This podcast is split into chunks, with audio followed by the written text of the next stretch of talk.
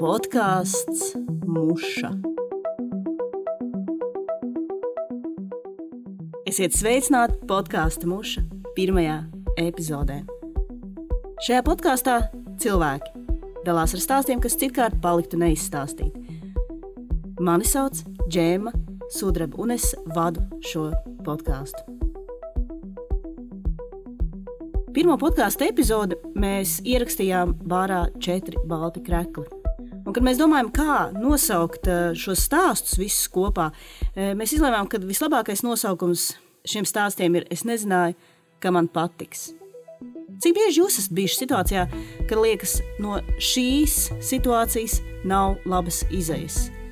Viss ir slikti, kad viss ir beidzies, un jūs skatāties uz atpakaļ un domājat par šo situāciju, varbūt pagājuši pieci vai desmit gadi, vai varbūt dažas tikai nedēļas, jūs domājat, nē, īstenībā tas tā ir bijis laba pieredze un ir forši, ka tas ar mani ir noticis. Un patiesībā tieši šādi stāsti ir apkopoti šajā pirmajā epizodē. Jūs dzirdēsiet, kā Haralds Matulis izaicina savu vīrišķību un mācās šūt. Jūs dzirdēsiet, kā tas notika, ka Nora nonāca seksa čatā nesoties to, ka viņa bija nepilngadīga, un izdzirdēsiet manu stāstu par to, kā tas ir iznākt ārā no skapja, tad, kad tev ir pāri 30. Mēs ļoti, ļoti ceram, ka jums patiks mūsu podkāsts, un mēs ļoti arī ceram, ka tas veicinās jūsu pārdomas par stāstīšanu, par stāstiem, kuri jums ir pašiem, par, par stāstiem, ko jūsu draugi varbūt jums ir stāstījuši. Jo mēs ļoti, ļoti ceram, ka cilvēki iesūtīs savus stāstus. Jūs varat atsūtīt mums audio, jūs varat atsūtīt mums ziņu. Mēs esam Facebook, mēs esam Instagram, mums ir arī e-pasta adrese. Mēs tiešām ļoti, ļoti gaidām jūsu stāstus. Bet kamēr mēs gaidām jūsu stāstus, klausamies pirmo podkāstu epizodi. Pirmais runātājs ir Haralds Matuls, kurš ir rakstnieks un publicists un tulkotājs. Un, kad es viņu uzrunāju, un piedāvāja šīs divas tēmas. Viņš teica par šķiršanos, viņš nav vēl joprojām uh, iemācījies adekvāti izteikties, diemžēl. Un, um, un tad minēja kaut ko tādu, ka viņš tā kā par tamborēšanu varētu runāt. Un es nezinu, vai viņš par to runās vai nē, bet uh, vajag tikai laiku un gribēšanu. Jūs varat izdarīt jebko. Un tā, un uh, tad uz skatos lūdzu Haralds Matulis. Sveiki! Es vienmēr esmu gribējis, viens no maniem sapņiem būtu uzstāties sieviešu stand-upā. Bet man ir zināms trūkums. tā kā šis ir tuvākais, man liekas, cik es tam varu nokļūt. Paldies, ka man ir iespēja. Uh, Jā, otrs ir, es jautāju, vai ir jāstāsta patiesība vai smieklīgi. Un man teica, ka jāstāsta dokumentāli. Bet nu, būtu labi, ja būtu mazliet skumīgi un arī mazliet jautri. Oh. Un, jā, tas, tas nav tik viegli, bet kā, tas būs patiesa stāsts. Um, jā, tad, tad uh, sapratu, ka jāstāsta par kaut kādu risku. Un, uh,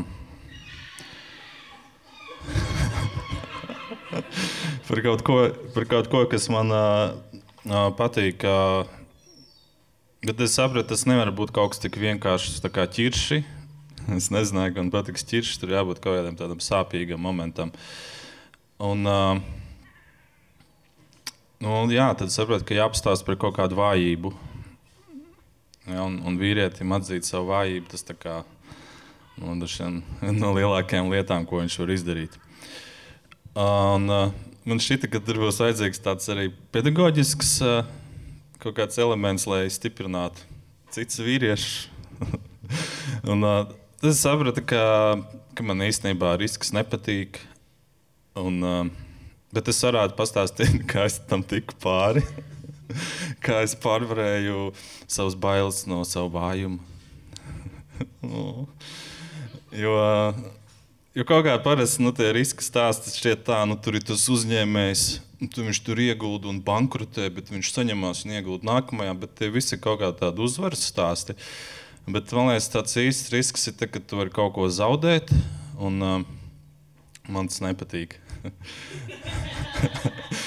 Bet kaut kas jau dzīvē jādara, ir, un uh, tad es sapratu, ka man tā stratēģija ir tā kā sāk kaut kādas jaunas lietas, un ar tādu domu, nu, ka gan jau ka neizdosies, gan jau ka kaut kas tur sačakarēsies, bet tad es to uztveru kā tādu ilgtermiņa ieguldījumu. Protams, ka es daru to, kas man ir interesanti. Uh, bet uh, jā, kaut kas tajā ir tāds, uh, tāds mazliet bailīgs, jo vien, tas, ko var zaudēt vīrietis, tā ir viņa vīrišķība, viņa pašcieņa un, un, un, un cieņa citu acīs. Līdz ar to pat, ja es privāti būtu gatavs visām trakulībām, man jārēķinās, nu, kā es iztīšos no malas un ko citi par to domās. Un, uh, Uh,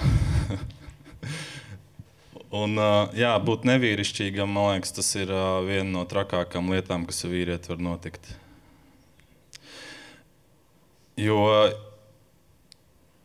it kā jau tās sievietes ir ļoti, ļoti draudzīgas. nu, viņas, viņas tev atrod, un viņas tev, tev mīļo un izturās labi, bet, bet īstenībā redz, ka viņas būtu priecīgas, ja tu varētu pielikt to plauktu. Viņas jau nesaka, Nu, ja, ja tu pieliec viņus aiziet savā istabā un klusībā lūdzās un saka, paldies Dievam, ka viņš to varēja. Bet, tad ir tas nākamais līmenis, kā nomainīt mašīnai sveces. Viņi arī nesaka, ka tev tas ir jādara, bet ja tu vari izdarīt, tad kā redz to kluso prieku. Un līdz ar to tev patiešām neviens nesaka, ka tev jābūt vīrišķīgam, bet nu, ir tas iekšējais kaut kāds spiediens, ka vajag to izdarīt. Un, no tā arī tās bailes. Jā, ka, uh,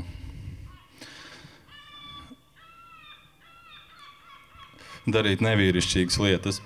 Tad es tā padomāju, bet nu, es esmu jau baigi zema nokritis. Īstenībā, jo es studēju humanitārā programmā. Sākumā filozofos tas vēl tā kā kind of ok.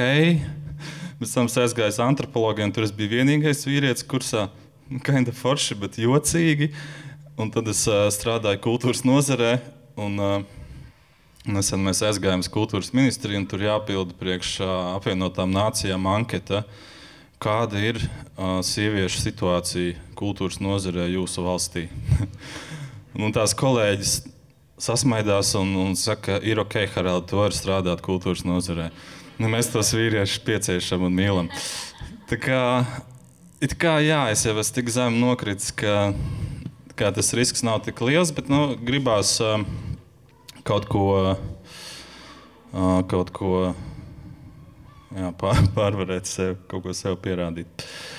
Nu, lūk, un tad man vienā brīdī sapratu, ka es gribētu nodarboties ar šūšanu.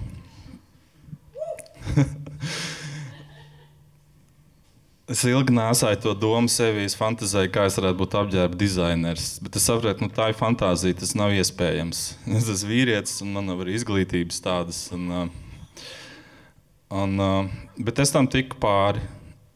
Un es gribēju jā, pastāstīt, cik ilgi man tas gāja, lai iedrošinātu arī citus vīriešus. Um, tas bija 2018. gada rudenī.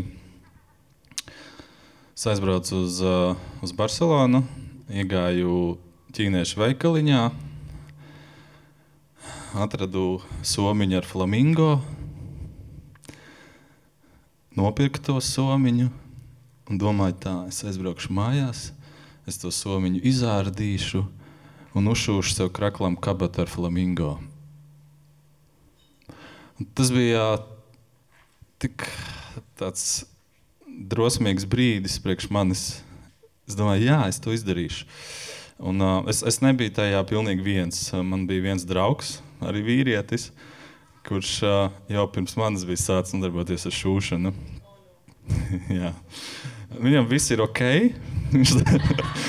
Viņš, tā kā arī strādā, bet, bet viņam ir hobijs šūšana. Un, tas man likās mīlīgs piemērs, jo viņam tiešām viss ok. Viņam ir sieva un bērni un māja un tā. Bet Tur viņam ir garāža, un tur viņam ir šūna mašīna, tur viņš iet šūt. Un tas man tā pacēlāja. Un, un, un pirmais solis bija tāds, kas teica, gati. ah, tu man varētu piešūt tos flamingo. Viņš teica, jā, nav problēmu. Un tad viņš piešuva man tos flamingo, bet skreklis šobrīd mazgāšanā būtu atnesis. Un, jā, tad ir divi krekli ar flamingo. Viens tumšs, viens gaišs. Un, tas bija sākums. Un, jā, 18. gada Mm, rudenī, un pavasarī es dabūju tos kraklus ar flamingo. Tad es sapratu, jā, es gribu šūt pats. Nu, un, pagāja kāds pusgads, kur laikā es domāju, ka jā, es gribētu šūt. Tas būtu forši vai ne? Pagāja nākamais mēnesis, domāju, jā, tas būtu forši. Un es teicu, Gatim, oh, es gribētu šūt. Viņš teica, oh, nav problēma, man ir trīs šūnu mašīnas. tā kā forši, bet arī bailīgi, jo viņš tā kā aicina šūt kopā. Es teicu, oh, jā, super. Viņš saka, nav problēma. Nu, tev ir brīvs vakars, braucam šūt. Paiet viens mēnesis, es domāju, oh, super, varētu braukt šūt. Paiet otrs mēnesis, varētu braukt šūt. Pēc tam satiekam gati kaut kādās vīru lietās, saka, o, oh, jā, baigi forši, varētu kaut ko braukt šūt. Viņš saka, jā, nu, brauc pie manis šūt, saka, jā. Baigi forši varētu braukt šūt. Nākamreiz viņi satiek, saka, jā, man tur beigās idejas, varētu piešūt kreklam kabatu. Um, viņš saka, nu, es jau tev varu piešūt. Saka, nē, nē, nē, nē, es pats gribu šūt. un, uh, jā, un es domāju, es te pierakstīju, kā es par to visu jutos. Jo risks kā, tas vīrietis uz motocikla. Bet es jutos tā, bija kaut kāda pacilātība, bet tik daudz bija bažas tāda nērtības sajūta un kauns, ja man likās, ka man neizdosies. Um, jā, jo vīriešiem tā ir, ka ja viņi kaut ko dara, tad viņi grib, lai ir labi, un tad uh, tas tiek novērtēts. Jo izgāzties tas ir, mm, vīrieši nedrīkst. Nu, tā kā drīkst, kind of ok, bet nu, foršāk viņš var ielikt tās sveces, un ja viņš kaut ko dara, viņš dara kārtīgi. Uh, Nu, jā, un tad pagāja vēl kaut kādi mēneši. Un šī gada martā es jau sāku justies eh, vainīgs, ka es nešuju. Un tad es vienu otru dienu teicu, Gati, es varētu aizbraukt pie tevis un eh, šodien savākt to šūnu. Viņš saka, jā, nav problēmu. Hmm. Un tad man nebija vairs atpakaļceļš. Es aizbraucu pēc tās šūnu mašīnas, atvedu viņu mājās uh, un noliku blakus galdiņam. Ah. Nu, tad nākamais bija, ka veselu mēnesi tā šūnu mašīna tur stāvēja, un es sapratu, ka man vienkārši nav laika. nu, tā kā varētu, bet nav laika. Un, uh, mēnesis pagāja, sapratu, nu labi, šis neiet nekādā galīgi krastā, kaut kas jādara. Uh, nu, tad es viņai ķēros klāt, es viņu izņēmu ārā no kastes. es, protams, ļoti metodiski piegāju, un uh, es pēc tam atliku atpakaļ. Uh, pēc tam uh, nākamajā reizē es atkal iedomājos, pēc nedēļas jau nebija laika burtiski pa vidu. Un, uh, domāju, nu tā nekur neiet. Es izņēmu instrukciju, sāku lasīt instrukciju. Ilsīja visu instrukciju angļu valodā. Uh, nu, vienā brīdī vairs nebija atkāpšanās ceļa. Tad es to šo mašīnu uzliku uz galda. Pieslēdzu, tur ir tas vats, ja, tie, kas zina, tāds, tur no tā vada nokarājas tāds pedālis. Un, Uh, vēl ar vienu tās sajūtas es pierakstīju, kā es jutos. Riebums, nepatika, izvairīšanās, domas, nu, kāpēc, kāpēc, kāpēc ar mani tas notiek, kāpēc man tas ir jādara. Uh, jā, nu, man liekas, tas man vairāk asociēs ar risku un kaut kā jaunu struktūru. Nevis tā! Un es tagad lecu, bet kaut kas tāds. Um, un, uh, Un tad bija tas lūzuma punkts, kad es tam tiku pāri. Uh, bet es speciāli izstāstīju to garo laiku, lai tas neizklausās tik vienkārši. Uh, man bija tādi šorti, ko es biju izveidojis, nogriežot biksēm galus. Un es izdomāju, es varētu tiem šortiem, tiem galiem kaut ko piešūt galā. Un tad es nogriezu tādas auduma strēmeles. Es nostājos dažus YouTube video, ka tās strēmeles vajag apšūt, lai tie diegi neirst. Ja? Es apšūtu tās strēmeles, un tajā brīdī es jau sajūtos kā šuvējs. Es domāju, tā, kāpēc man ir jāšuj ar to taisno dūrienu? Es te varētu piešūt ar zigzagu. Uh, un tad es ļoti ātri piešūtu to vienu strēmeli un otru, un es jutos tā kā, ka es to esmu izdarījis. Uh, nu, tālāk, tālāk jau gāja vieglāk. Uh, tas notika apmēram jūnija vidū. Kopš tā laika es katru dienu šūju. Jā, es gribēju tagad pie tās vīriešu palīdzības daļas vērsties. Es domāju, nu, kā man tas izdevās. Jo tas, protams, izklausās varbūt maza lietiņa, bet es zinu, cik man tas bija grūti. Un, tātad divas lietas. Viens bija tas, ka bija gads, kas man ļoti atbalstīja. Viņš bija ļoti neuzbāzīgs. Jums ar vīriešiem darīšanas, ir ļoti neuzbāzīgi. Viņš man divu gadu garumā vienmēr teica, ka varētu. Viņš teica, jā, varētu. Nav problēmu, bet viņš tā kā neuzstāja, ka ir jāšuj. Un, uh, un otrs, kad jā, tā, es kaut ko biju šūs, es viņam varēju aizsūtīt WhatsApp. Viņš teica, oh, smuki, man patīk. es domāju, jā, smuki, man sanāca. Uh, un otra lieta, laikam tā, ka sākot ar to instrukcijas lasīšanu un to šūnu likšanu uz galdu, ka es kā, biju ieplānojis, ka nu, man katru dienu kaut kas jāpadara. Ne ilgi, desmit minūtes, bet tad caur tādu riebumu un nepatiku es kaut kā tiku pāri tai uh, nepatikas fāzei. Arī tagad tas dažreiz ir grūti, bet, uh, bet vieglāk. Nu jā, tad tā kā jāsaka, tā kā bija tas tā catchfrāze, es nezināju, ka man tas patiks.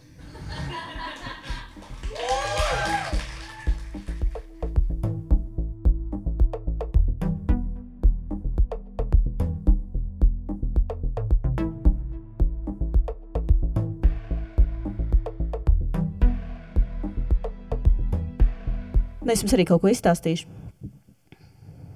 Bet es lasīšu, tāpēc, ka es kaut kā ļoti satraucu. Man kaut kā likās, ka viss no lapām lasīs. Bija vēss novembra vakars. Es biju komandējumā Vīnē. Tā bija mana īpašā komandējuma tradīcija.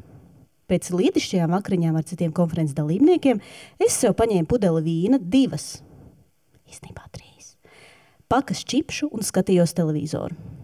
Tikai šoreiz es neskatījos vācu realitātes šovus. Es nolēmu, ka ir laiks izpētīt lesbiešu pornogrāfiju. Redziet, es biju iemīlējusies sievietē, un man bija diezgan nopietni nolūki. Man gribējās noskaidrot, ko īsti lesbietis tur dara. No turienes es uzzināju divas lietas, pie kurām noteikti, noteikti būtu jābūt sarkanam uzrakstam Don't try this at home. Pirmā gari, spici, nagi – otra milzīgi straponi peņi. Abas šīs lietas man izraisīja šausmas, jo es nevēlējos, lai manī kašājas ne gēla nagu entuziaste, ne milzīgs rozā, jo sieviešu penis. Līdz šim vienmēr bija identificējis sevi kā izteikti heteroseksuālu. Nu, kas tagad, skatoties uz manu pagātni, liekas šaubīties par to, vai man tiešām drīkstētu uzskatīt par saprātīgu būtni. Pa dzīves peldēju, gaidot, kad man pievērsīs uzmanību puiši, kas man patika, uh, kas vienmēr izrādījās kretīni. Tikmēr lielākā daļa puikas, kas pievērsa uzmanību man, bija vai nu dīvaini, vai nu katrā ziņā tādi, kurus es jau nu toču neizvēlētos. Tā no uz rāmtiņiem gāja ar puišiem, kas man nepatika, bet kas vismaz bija izrādījuši bieži vien neveselīgu un krīpīgu interesi par mani. Vai par kuriem manas draudzenes teica, o, cik smuks, nu tev viņš toči ir jāņem. Tā kā tas bija laiks, kad dikpikus vēl nebija, pa kurien so, sūtīt, es peldēju pa dzīvi ar atplastām rokām, kurās ik pa laikam nonāca kāds penis, ko maigi manās rokās ielika mans iecerētais. Ļoti heteroseksuāli. Mans stāsts ir simbols tam, kas notiek, kad uzauc bez homoseksuālisma propagandas, kā to šodien mēdz mīlīgi saukt. Sākumā tu sapņo par kāzām, kā princesei Diānai.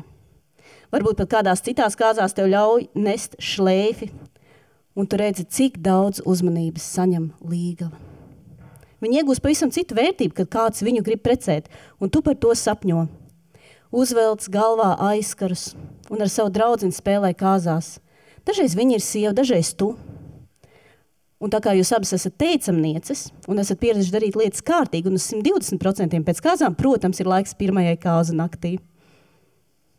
Jūs uzguļaties vienotrai virsū, Blakus istabā vecmāmiņa skatās ziņas, Jūs cenšaties būt klusas. Pro tip. Būt mammai šajās rotaļās ir daudz patīkamāk. Māma, kā mums jau bija skaidrs, vienmēr ir apakšā. Toreiz šķiet, ka tas tomēr ir arī kaut kā pareizāk, nu, tā kā pasīvāk. Tu tomēr neesi to inicijējis, tu vienkārši tur gulēji un tas notika. Un tad bija Anna, Māra, vārdu, protams, mainīt, jo ir GDPR tomēr. Ar viņām mēs ņēmām dvieļus, sarulējām to un tad likām sev starp kājām. Bet viss tas bija totāli heteroseksuāli, es gribu, lai jums zinat. Heteroseksuāli tāpēc, ka mēs bijām sievi, bet dvielis bija vīrs. Ne jau arī tā uzreiz mēs ar dvieli metāmies gultā. Viss bija ļoti normāli. Sākumā randiņš, tad mēs nedaudz ar dvieli padējojām istabā. Tad apprecējāmies. tad bija pirmā nakts. Nu, tad es apprecējos. Loģiski notikuma secība, ne? Apprecējos, jo skaistas teicamnieces vienmēr apprecas. Sākumā viņām ir anoreksija, un tad viņas apprecas un dzemdē. Jo visa sabiedrība, visi žurnāli, māmas un draugs saka, ka tas būs brīnišķīgi, un tev būs bebītis. Es biju tā stilīgā sieva. Gudra, kam ir karjera, un kas balīties ir kaut kāds truth or dare skūpstās ar citu vīru sievām. Tas arī viss bija totāli hetero. Jo priekš vīriņiem Un tad bija mans ļoti tuvs draugs, vecmēta balīta. Arī kaut kā tā sanāca, ka beigās mēs dejojām pulkvedī, ka tas vēl bija vaļā un skūpstījāmies. Vīrieši apkārt bija sajūsmā, arī viss totāli hetero. Jo priekš vīriešiem, acīm redzot. Nav tā, ka man nepatīk seks ar vīriešiem, vai vīrieši vienkārši visu laiku kā tā sanāca, ka es ik pa laikam devos erotiskos piedzīvojumos ar citām sievietēm. Nu, lūk, tad sākās problēmas manā laulībā. Es sāku nopietni domāt par šķiršanos, daudz stāstīju par to savām problēmām savai draudzenei. Viņa man atbalstīja. Un, lai gan šķīst, ka loģiska secība ir tur, kur mēs dejojam kopā ar dvieli, mēs iemīlējāmies. Un es aizgāju no vīra. Jā, redziet, kad jums saka, ka feminisms izjauc laulības, jums nemelo. Kad kļūsi par feministu, tu vairs negribi pieņemt to, kas skaitās normāli, ka lielākā daļa atbildības par ēst gatavošanu, mājas tīrīšanu ir stāviem pleciem, vai ka arī ar bērniem vīrs tev tikai palīdz. Nevis uzņemas pusi atbildības, o, cik jauks tēvs, viņš palīdz viņai ar bērniem. O. Vai kā ar seksu ir jānodarbojas nevis tikai tad, kad tev gribas, bet jebkurā brīdī, kad to grib viņš. Jo visas sievietes zina, ka tad, ja vīrietim seksu sagribas, un tu viņam to nedod, viņš tevi pamet. Ja nedod viņam ēst, viņš tevi pamet. Ja es nesmu, ka pamet, veca pamet. Baigi riski. No skāpja izkāpt diezgan grūti visu laiku. Ir jebkurā vecumā pēc 30 stulbi ir izkāpt no skāpja. Piemēram, satiek vienu savu draugu uz ielas. Nu, viņas pēdējā informācija, protams, ka es esmu precējies. Viņa jautā, nu, kā tev ir, kā vīriem, kā bērniem? Es, saku, ok, nu, es esmu izšķīrusies. Viņa tā, oh, tik līdzjūtīgi uzreiz man prasa. Bet, bet kā tu viena tiec galā ar diviem bērniem? Kā finansiāli un vispār šausmas? Un tad pasaka, tavā vecumā ar diviem bērniem. Tev taču neviens neņems. Un tad ir tā dilemma, ko teikt. Jāsaka, dzīvoju ar sievieti kopā, bet tā taču ir skaidra pazīme. Neviens neņēma un taisa tām sievietēm.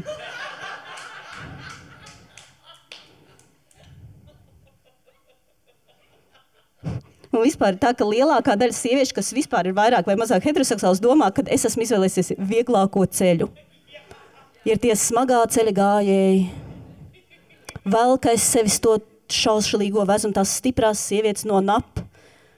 Ar bērniem un ar vīru viņas velk, viņas cieš. Bet viņām viņas cieš. Bet viņām vismaz ir standarti kaut kādā dzīvē. Es ķipa agrāk Hārvardā mācījos, bet tad es domāju, ka kaut kā baigi sarežģīt, labāk uz profeni.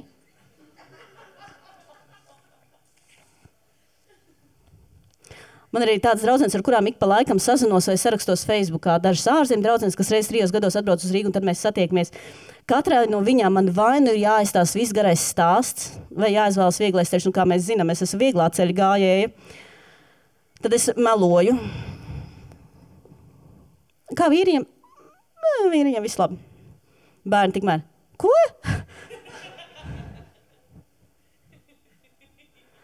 Vai arī tad jāstāsta, ka vīrs ir bijis vardarbīgs. Nu, vienkārši tas ir jāstāsta, jo tad tas ir tāds vieglāks ceļš, ko vismaz es varu saprast.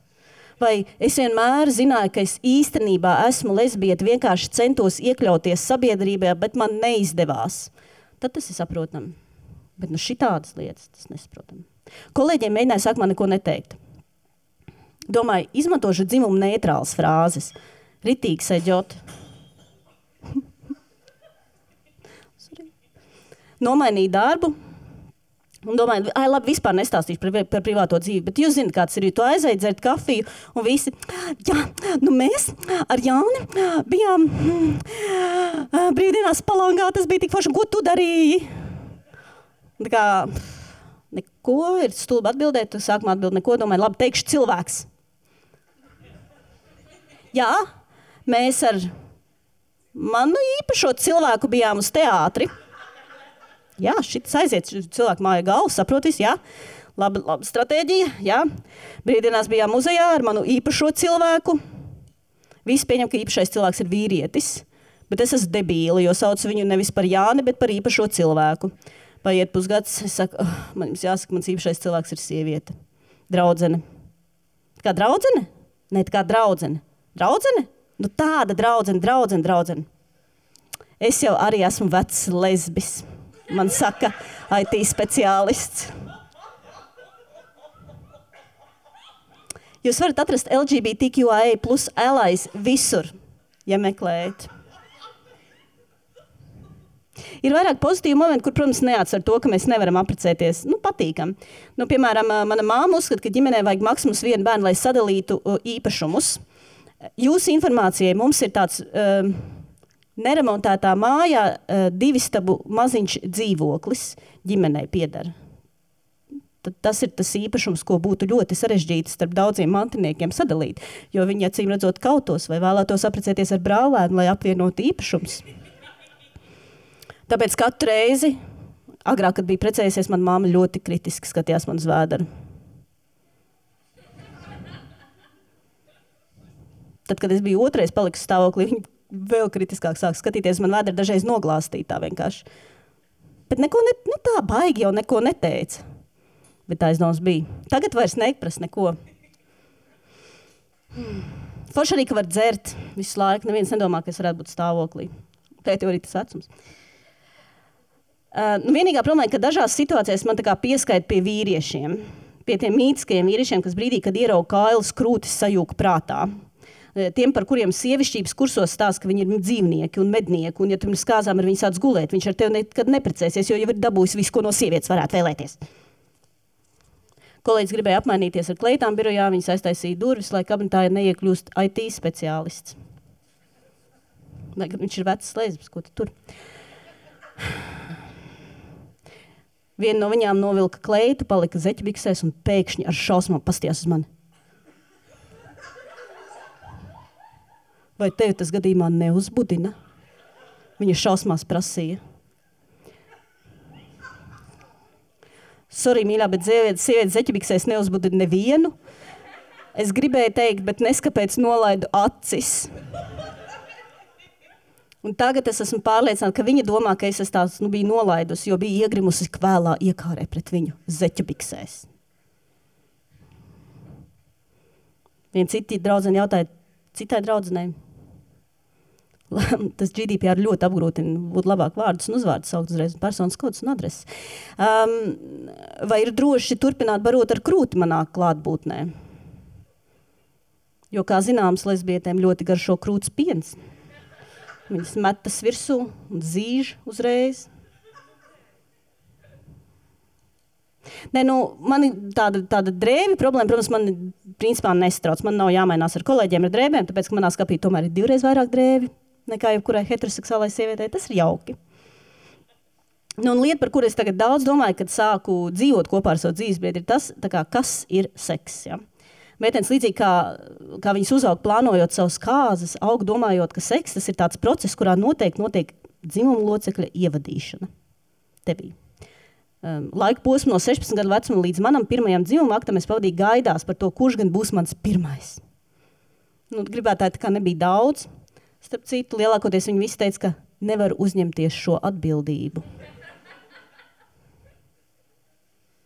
Man gan ir tādas aizdomas, ka man pirmā reize bija tad, kad mēs ar manu māsīcu gulējām vienotrai virsū un tēlojām vīru un sievu. Un viņa vismaz nebaidījās uzņemties atbildību. būsim godīgi, tas arī bija daudz patīkamāk nekā daudz citas manas nākotnes seksa reizes. Paldies!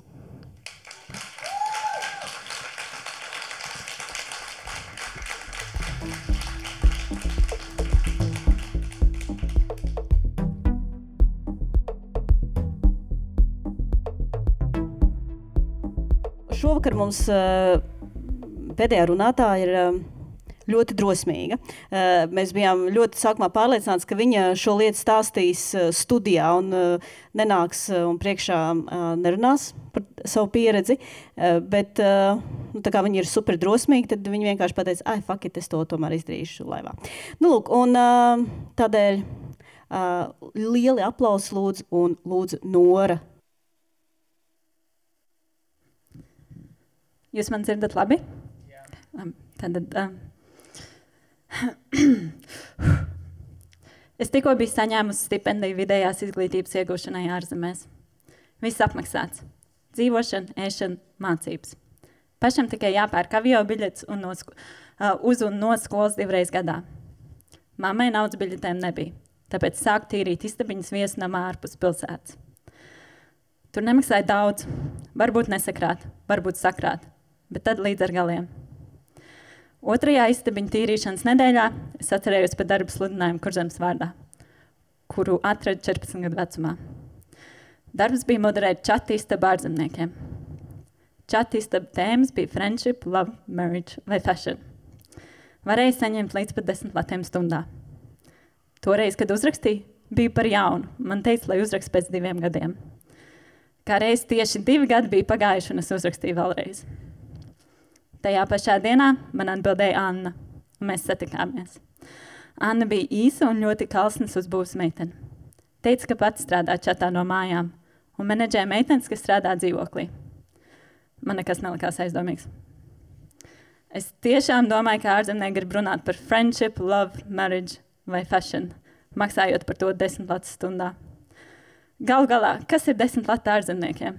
Tas nekas, ka man pašai tajā laikā bija tieši trīs draudzenes, nekāda love, marriage vai intereses par fashion. Man vienkārši vajadzēja tos desmit latus. Darbs notika trīs istabas dzīvoklī, Hruščova tipa mājā. Katrai meitenei bija pa istabai, datoram, kamerai un astoņu stundu maiņai. Pirmo nakti, kad man, Anna man aizveda uz dzīvokli, nevienas citas meitenes tur nebija, un man uzticēja dzīvokļa atslēgu. Piekodinot, ka, ja kāds prasa, ko tik daudz meiteņu nāk, lai saka, ka dzīvojam vairākas šeit un pārējās ir draudzenes. Tajā pašā vakarā Anna man uzstādīja profilu, ja pielāgoja kāds cits pilngadīgs meitenes profilu man. Tikai vēlāk es uzzināju, ka profi, eh, viņa profilā uzrakstīja, ka esmu stāvoklī un man patīk straponi. Pēc tam Anna man parādīja abas čats - My Free Comes un Adult Work. Un teica, ka man joprojām nekas nelikās aizdomīgs. Un teica, ka tad, kad cilvēki prasa PVT, Viņi grib ar mani čatot privāti. Un nauda nāk tikai par privātajiem čatiem. Privātajos čatos varat darīt, ko grib. Viņi, piemēram, dejojot. Man joprojām nekas nelikās aizdomīgs. Maifrīkams izskatījās pēc 118 čata ar video kreisajā pusē. Adult work bija jocīgs. Tur es redzēju, ja kāds ienāca vai izgāja, bet es nevarēju redzēt, cik lietotāji vai kādi lietotāji man vēro. Tiklīdz Anna aizgāja, Es piesēdos pie datora, atvēru abus chats, sakārtoju mats un uzrakstīju hai.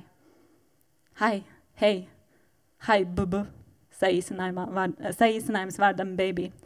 Hru, saīsinājums frāzē how are you? Are you cold? Ar r, you, cold. Why so many clothes? Hi, bubu, cold. Man nebija augsts.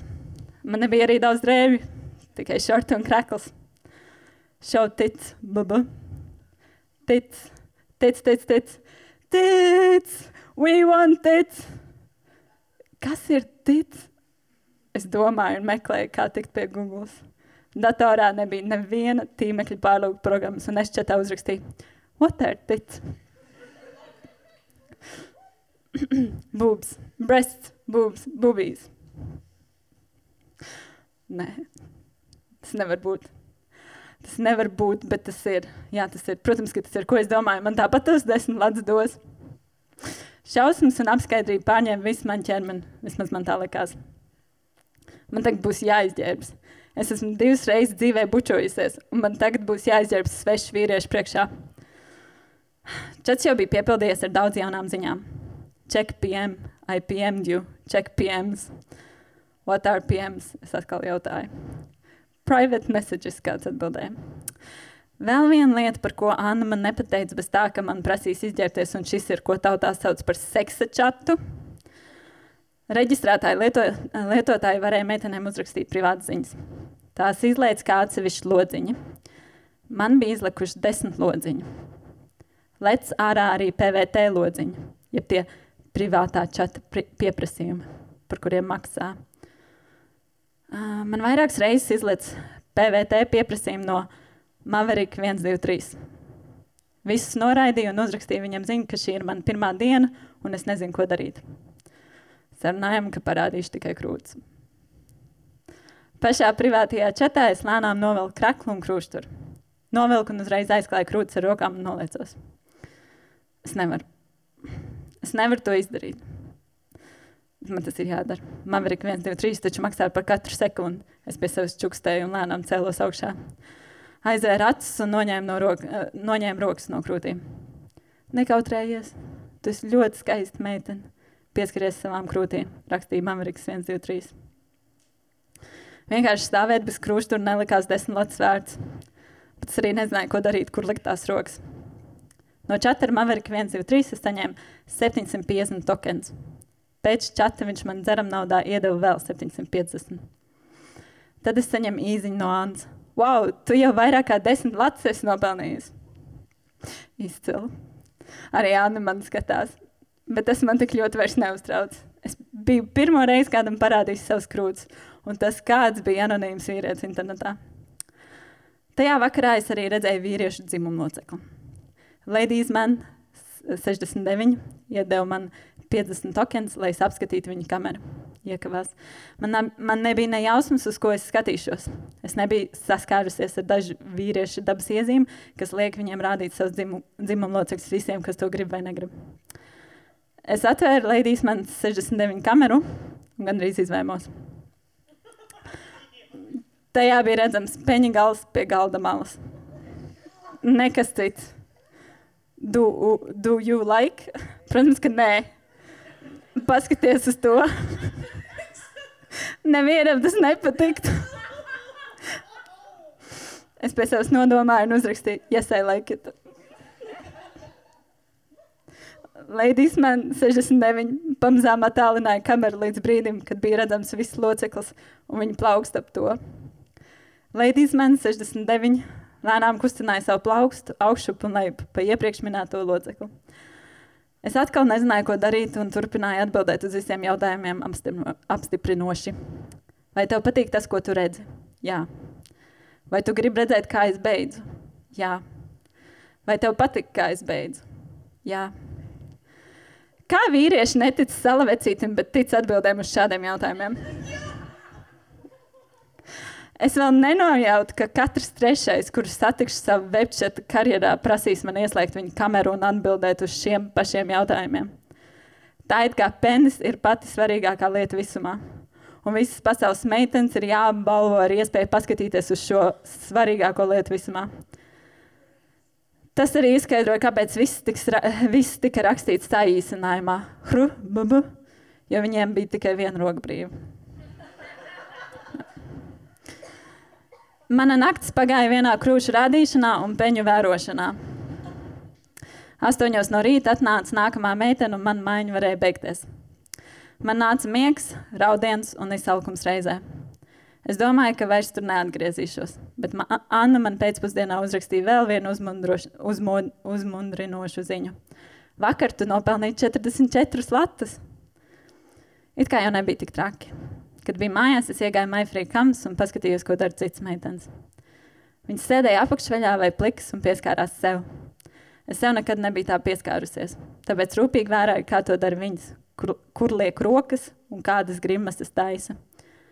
Pēc tam es iegūlēju, kā seksīgi kustēties un vai nevainību var zaudēt, liekot tur pirkstus iekšā. Atbildes bija zīmēt astoņnieku ar gurniem un nē, nevar. Otrā naktis bija vieglāka, jo es līdzi paņēmu malu un visu laiku klausījos uh, David Bowie under pressure. es raiti vilku krustu tur nost un pieskāros sev tā, kā to bija redzējis, redzējis citas meitenes to darām. Un, protams, zīmēja astoņnieku ar gurniem. Biksītes sāk vilkt nost tikai ceturtajā naktī. Darbs it kā bija viegls, it kā nē. Daudz lietotāji teica, ka es esmu rasts, un man vecāki noteikti ar mani lepojas. Viens pat teica, ka cer, ka es drīz nomiršu briesmīgā nāvē. To gan es neno, neuztvēru nopietni. Lielākā daļa lietotāju tomēr gribēja runāt. Varbūt ne par fashion, bet par pārējo gan. Kā viņiem iet, vai viņi ir laimīgi, kas viņiem trūkst. Un man patīk ar viņiem runāt. Arī par sevi. Kaut arī es bieži biju plika un sev bāzi visu, ko visās vietās, es tik un tā jutos, ka cilvēki no čata man ir pietiekami sveši, lai es ar viņiem varētu izrunāties.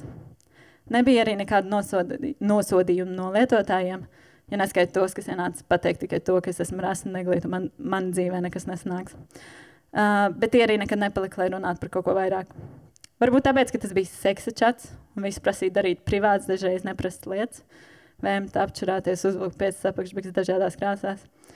Un es tās lietas darīju. Nebija nekāda nosod, nosodījuma ne no manas, ne no lietotāja puses.